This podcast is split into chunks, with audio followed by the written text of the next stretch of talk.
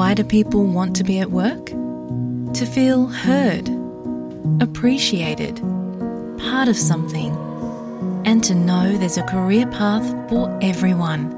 Inclusive workplaces are linked to increased innovation, productivity, and employee satisfaction. Make your organisation a place where people want to be. For inclusion and diversity training, visit inclusion program.com.au. ඔබ රැඳී සිරින්නේ SBS Sinhala සේවය සමකෙන්. වැඩිතුර තොරතුර දැනැනීමට පිවිසන්න ps.com.ta/ Sinhala වෙපඩවයට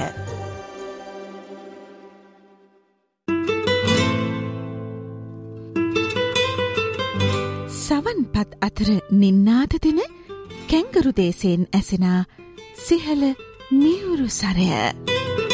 මගේ ගීතය. මගේ ගීතය SBS සිංහලකුවන් විදුලිය ඔස්ට්‍රලියාවේ වෙසෙන ගී පද රචකයෙන් ගායකීන් සහ සංගීතඥයන්ගේ ස්වීය සප්තස්වර පබැදුම් ඔබ හමුවට ගෙනේන මාසික විශේෂාන්ගය මගේ ගීතය. මගේ ගීතය. මගේ ගීතය. ශ්‍රී ලංකයේ සිංහල ගීත කලාව සුපෝෂණය කරන්නට විප්‍රවාසීව ඉඳගෙන දායකත්වය ලබා දෙන අපේම ශ්‍රී ලාංකික ප්‍රජාවගේ දායකත්වේ සහිත ගීත නිර්මාණ පිළිබඳව අපි කතාබහ කරන මේ අපේ වෙලාව මගේ ගීතය විශේෂන්ගේ.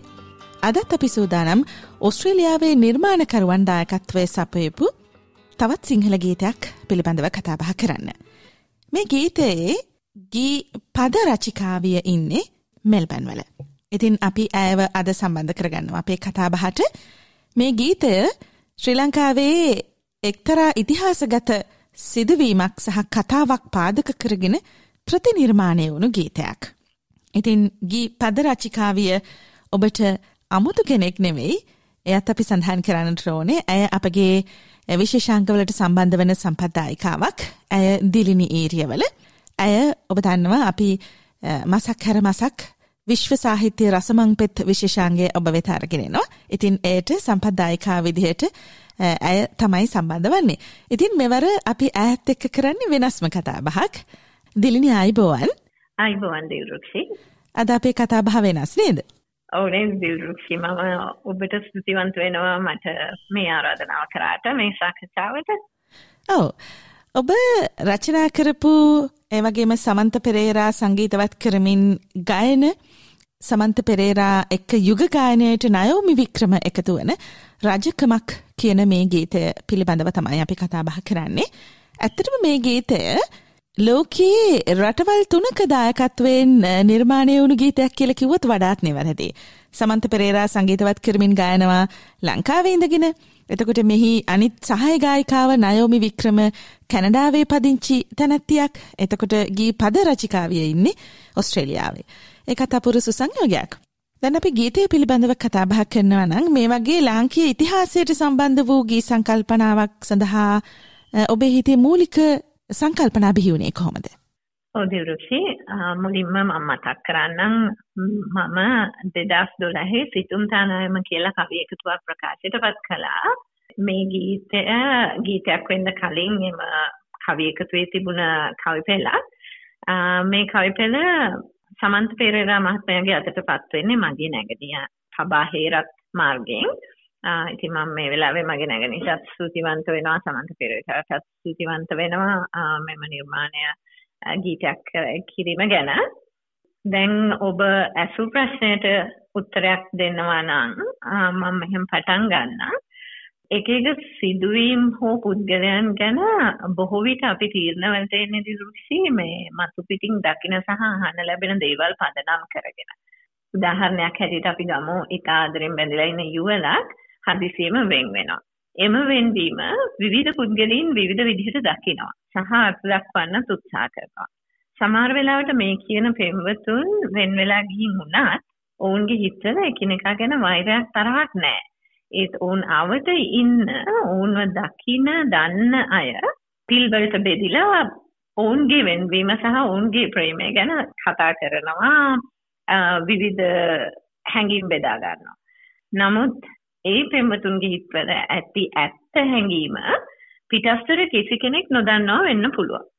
මෙන්න මේ කියන සිතුවිල්ල තමා මම ඇත්තටම කවියක් කළේ මේ ඓතිහාසික වෙන්වීම පදනම් කරගෙන. ඒක තමයි සමන්ත පෙරේරා ගීතයක් කරන්නේ. ඔව්. දැන් මේ දෙලිනි කියන්නේ මේ ඓතිහාසික වෙන්වීම තමයි ශ්‍රී ලාංකේය ඉතිහාසයේ අපි බොහෝ කතාබහට ලක් කරන ඇතමුන් ශ්‍රී ලාංකීය ඉතිහාසයේ විශේෂ ස්ථානයක් ලබා දීලා තියෙන විජය කුවේනි මේ කතාව. දැන් දිලිනි අපි දන්නවා දැන් විජය රජතුමා කියලා කියන්නේ අපේ සංස්කෘතියේ ගැරහුමට ලක්වුණු චරිතයක්. තම්බ පන්නියට ආවා ඔහුගේ පසුබිම් චරිතය තරම් හොඳ චරිතයක් නෙමෙයි ඒ හින්දා තමයි ඔහු රටෙන් පිටුවහල් කළේ මේ වගේ නොයෙකුත් කතන්දර තියෙනවා. ඒ වගේම කුවේනි කියලා කියන්නෙත් අපේ මව්බිමේ ස්වදේශික කාන්තාවක් වුණාට ඇයත් මේ පිරිමියෙකු හින්දා තමන්ගේ වර්ගයා පාවා දුන්න තැනැත්තියක් විදිහට හංවඩු ගැසුණු චරිතයක්. ඒ වගේම විජය කුමාරයා දෝෂ දර්ශනයට ලක්වන බොහෝ අවස්ථාවලදී කුවේනිව රැවටීමට පත් කරලා රජකම වෙනුවෙන් ඇය පන්නා දැමුවා කියලා තමන්ගේ රජමාලිගාවෙන් තමන්ගේ ජීවිතයෙන්. හැබැයි ඔබ මේ දෙපාර්ශවය කෙරෙහිම ශ්‍රාවක මනස තුළ සානුකම්පිත සංවේදනා ඇති කරනවා.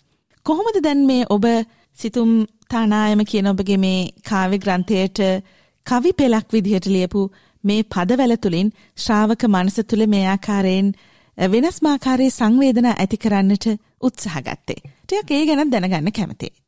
ඇත්තටම දිරුක්ෂි මේ විජය කුයින් ඉතිහාස කතාව ඔබ කිව්වා වගේ අපි හැමෝම දන්න කතාවක්.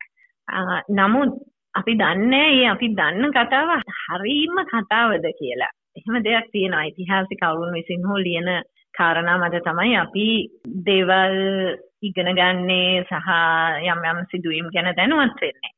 කොහොමුණත් මේ ගීතය ඒ ඉතිහාස කතාවට ඇඳෙන්නේ කුවේනිගේ නම තියෙන නිසා විතරයි කියලා විශ්වාස කරන්න මං කැමතියි. හේතුව අද සමාජයේ මේ Tamanගේ යහපතයි සුභසිද්ධියයි ගැන හිතලා ප්‍රේමය අතාරින විජයලා ඕන තරම් ඉන්නවා. ඒ වගේම ඒ විදිහට අහිමන ප්‍රේමය හැමදාම හිතේ රැකගනිමින් ජීවිතේ විඳිමින් හෝ විඳවමින් ගෙවන කුවේනිලත් ඉන්නවා. ඒ වගේම කාසියකට දෙපැත්තක් තියෙනවා වගේ ඉතිහාසෙ සිටිය සහ අද සමාජෙත් ඉන්න විජයලගේ කුවේනිලාගේ ඇත්තම කතාව අපි දකිනහන කතාවලට වඩා සම්පූර්ණයෙන්ම වෙනස් වෙන්නත් බැරි නෑනේ කියලා තමයි මට හිතුනේ. ඒ හැඟීමෙන් තමයි මම මේ චරිත දෙක නිර්මාණයක් හැටියට නැවත ජීවත් කරන්න උත්සාහ කෙරුවේ මගේ කවි පෙළින්. මං හිතනවා අපේ ප්‍රවීණ සංගීතවේදී සමන්ත පෙරේරගේ තනු නිර්මාණයත් ජායනයත් සහ ඊටම සුසංයෝග වන නයමි වික්‍රමගේ හඬත් ඒ චරිත දෙක තව තවත් උත්කර්ෂයට නැංවා කියලා. ඔවුදලිනි දැන් අපි දන්න කාරණාවක් තමයි දැන් මේ ඉතිහාසගත අපි කවුරුත් දන්න කතා ප්‍රතිනිර්මාණය කිරීමේදී නිර්මාණකරුවාට එල්ලවෙන ගැරහුම් පැසසුම් මේ දෙකම. දැන් බොහෝ වෙලාවට අපි දකිනවා ප්‍රතිනිර්මාණයට ලක්වෙනවා මේ රාමා සීතා රාවණ කියන මේ තුන්කොන් කතාන්තරය. නමුත් මේ අපේ ඉතිහාසයට බොහෝ සම්බන්ධ විජයකෝයනි කියන කතාව ප්‍රතිනිර්මාණය වෙනවා අපි දකින්නෙම නැති තරම් ඉතාම අතලොස්සක් පමණයි මම නිර්මාණ දැකලා තියෙන්නේ. ඒ අතරතුරනත් මේ යම් කිසි කෙනෙකු දන්නා ඉතිහාසයේ නිශ්චිත වෙලා තියෙන යම් කතාවක් ගීතයක් තුළින් ප්‍රතිනිර්මාණය කිරීමේදී වෙනස්ම කෝණයකින් ඒ දිහා බැලීමේදී ගීත රචකයෙක් ඇත්තටම සැලකිලිමත් වෙන්න ඕනේ කොයි වගේ කරුණු ගැනද? ඔබට මොකද තියෙන්නේ? ඔබගේ මේ නිර්මාණය හරහා තියෙන අත්දැකීම් කොයි වගේද? මගේ පුද්ගලික අදහස කියනවා නම් දිල්රුක්ෂි මේ ඕනෑම නිර්මාණයක් කරද්දී ඊට අදාළ වන ඓතිහාසික සමාජීය හෝ දේශපාලනමය පසුබිමක් හෝ කතාවක් තියෙනවා නම් ඒ ගැන යම්තාක් දුරකට හෝ අවබෝධයක් නිර්මාණකරුවට තියෙනවා. එහෙම වුණොත් විතරයි මං හිතන විදිහට මේ තමන්ගේ නිර්මාණය තුලින් දෙන පණිවිඩය පාඨකින් හෝ ප්‍රේක්ෂකයින් අතරට ගෙනියන්න පුළුවන් වෙන්නේ. නමුත් ඒක නිර්මාණයක් නිසා තමන් ඒ නිර්මාණය නිදහස්ව කිරීමත් වැදගත්. ඒ නිර්මාණය ඉතිහාස කතා හෝ යම් කිසි නිශ්චිත සිදුවීමක් පදනම් කරගෙන කරාට ඒ තුළ නිර්මාණාත්මක වීමේ නිදහස කතාවල් වෙනස් කිරීමේ නිදහස සහ මේ සාහිත්‍යමය වටිනාකමක් අගයක් එම නිර්මාණයට එකතු කිරීමේ නිදහස අනිවාර්යෙන් නිර්මාණකරුවා පාවිච්චි කළ යුතුයි කියලා මම හිතනවා. ඒ නිසා බය නැතුව ලිවීම තමයි වැදගත්.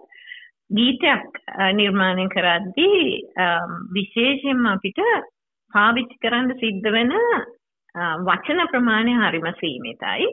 ඒ හින්දා මේ මේ වගේ ඓතිහාසික සිදුවීමක් හෝ නිශ්චිත නිශ්චිත යමක් පදනම් කරගෙන ලියද්දී ගීතයක් ලියද්දී ඊට අවශ්‍යම රසයට මිහිරට සහ අර්ථයට හානි නොවන විදිහට වචන තෝර බේර ගන්නත් භාෂාව හසුරුවන්නත් ගීත රචකයා සමත් වෙන්න ඕනේ.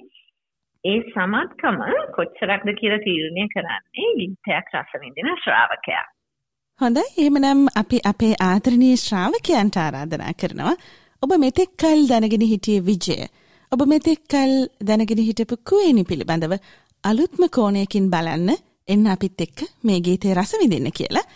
අද මගේ ගීතය සඳහා අපි මේ රජකමක් කියන ගීතය තමයි තෝරගත්තේ. එහි පද රචිකාවිය දිලිනි ඊරියවල ඇය මෙල්බන් වල සිටින විශ්වවිද්‍යාල ආචාර්යවරියක්. දිලිනි ඊරියවල රචනා කරපු මේ ගීතය සංගීතවත් කරමින් ගායන්නේ විශාරද සමන්ත පෙරේරා මේක යුග ගායනයක් සමන්ත පෙරේරා සමගින් ගායනයට එකතු වෙනවා කැනඩාවේ සිටින නයෝමි වික්‍රම ගායන ශිල්පිනිය. එමනම් දිලිනී බොහොම ස්තුතියි. අද අපේ මගේ ගීතය. මේ විශේෂාංගයට ඔබගේ අලුත්ම ගීත නිර්මාණය කතාබහ කරන්න සම්බන්ධවීම පිළිබඳව එමනම් ගීත නිර්මාණ ශේත්‍රය පැත්තනොත් ඔබගේ අනාගත නිර්මාණ තව තවත් අපට අහන්නට ලැබේවා කියලා අපි ප්‍රාර්ථනා කරනවා. බොහොම ස්තුතියි. බොහොම ස්තුතියි රොක්ෂි.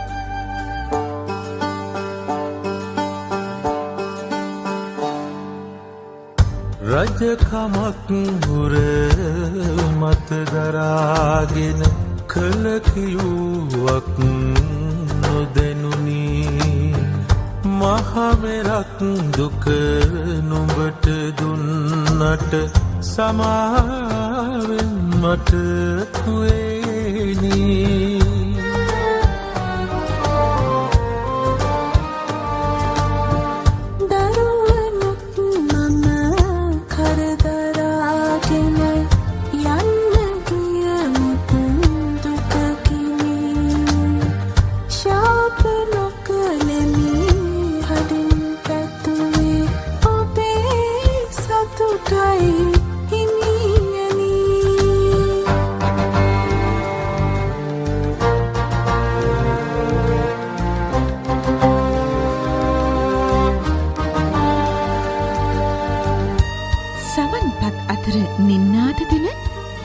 දේශයෙන් ඇසෙනා සිහල මියවුරු සරය. මගේ ගීතය. මගේ ගීතය.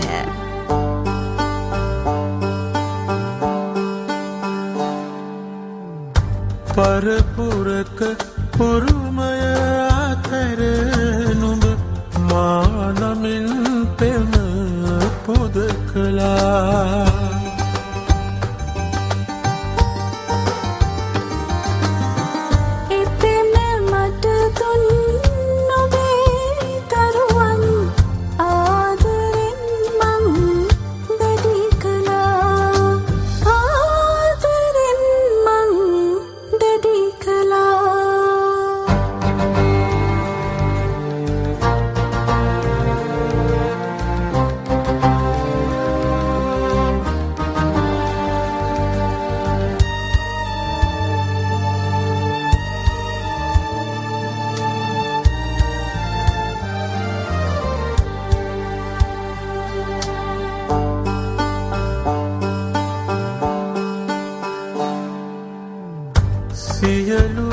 per header.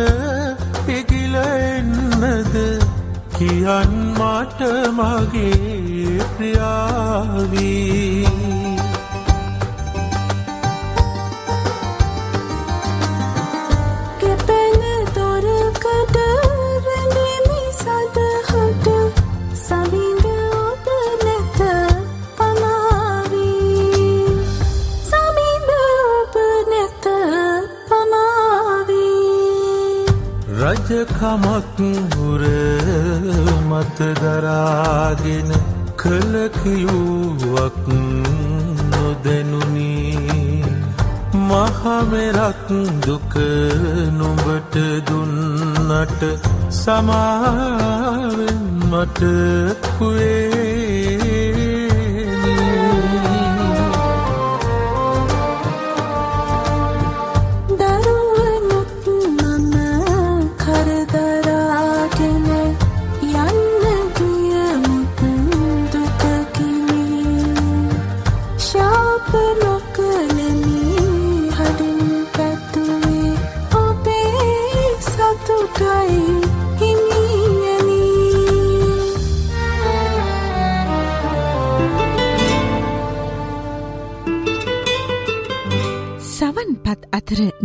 නින්නාද දෙන කැංගරු දේශයෙන් ඇසෙනා සිහල මියුරු සරය.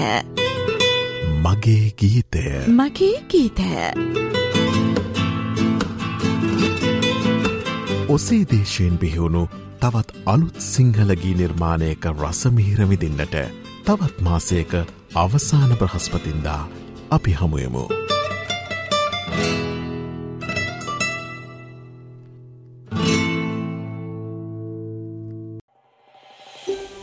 මේ වගේ තවත්තොරතුරු දැනගන්න කැමතිද.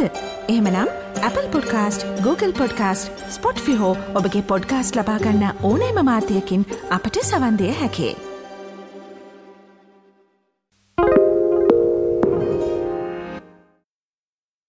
SBS is Australia's most trusted multilingual broadcaster.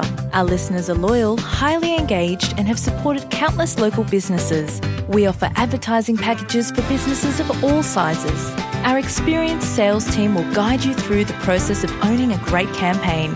Bring your own ad or have our production team make you something in one of our 68 languages.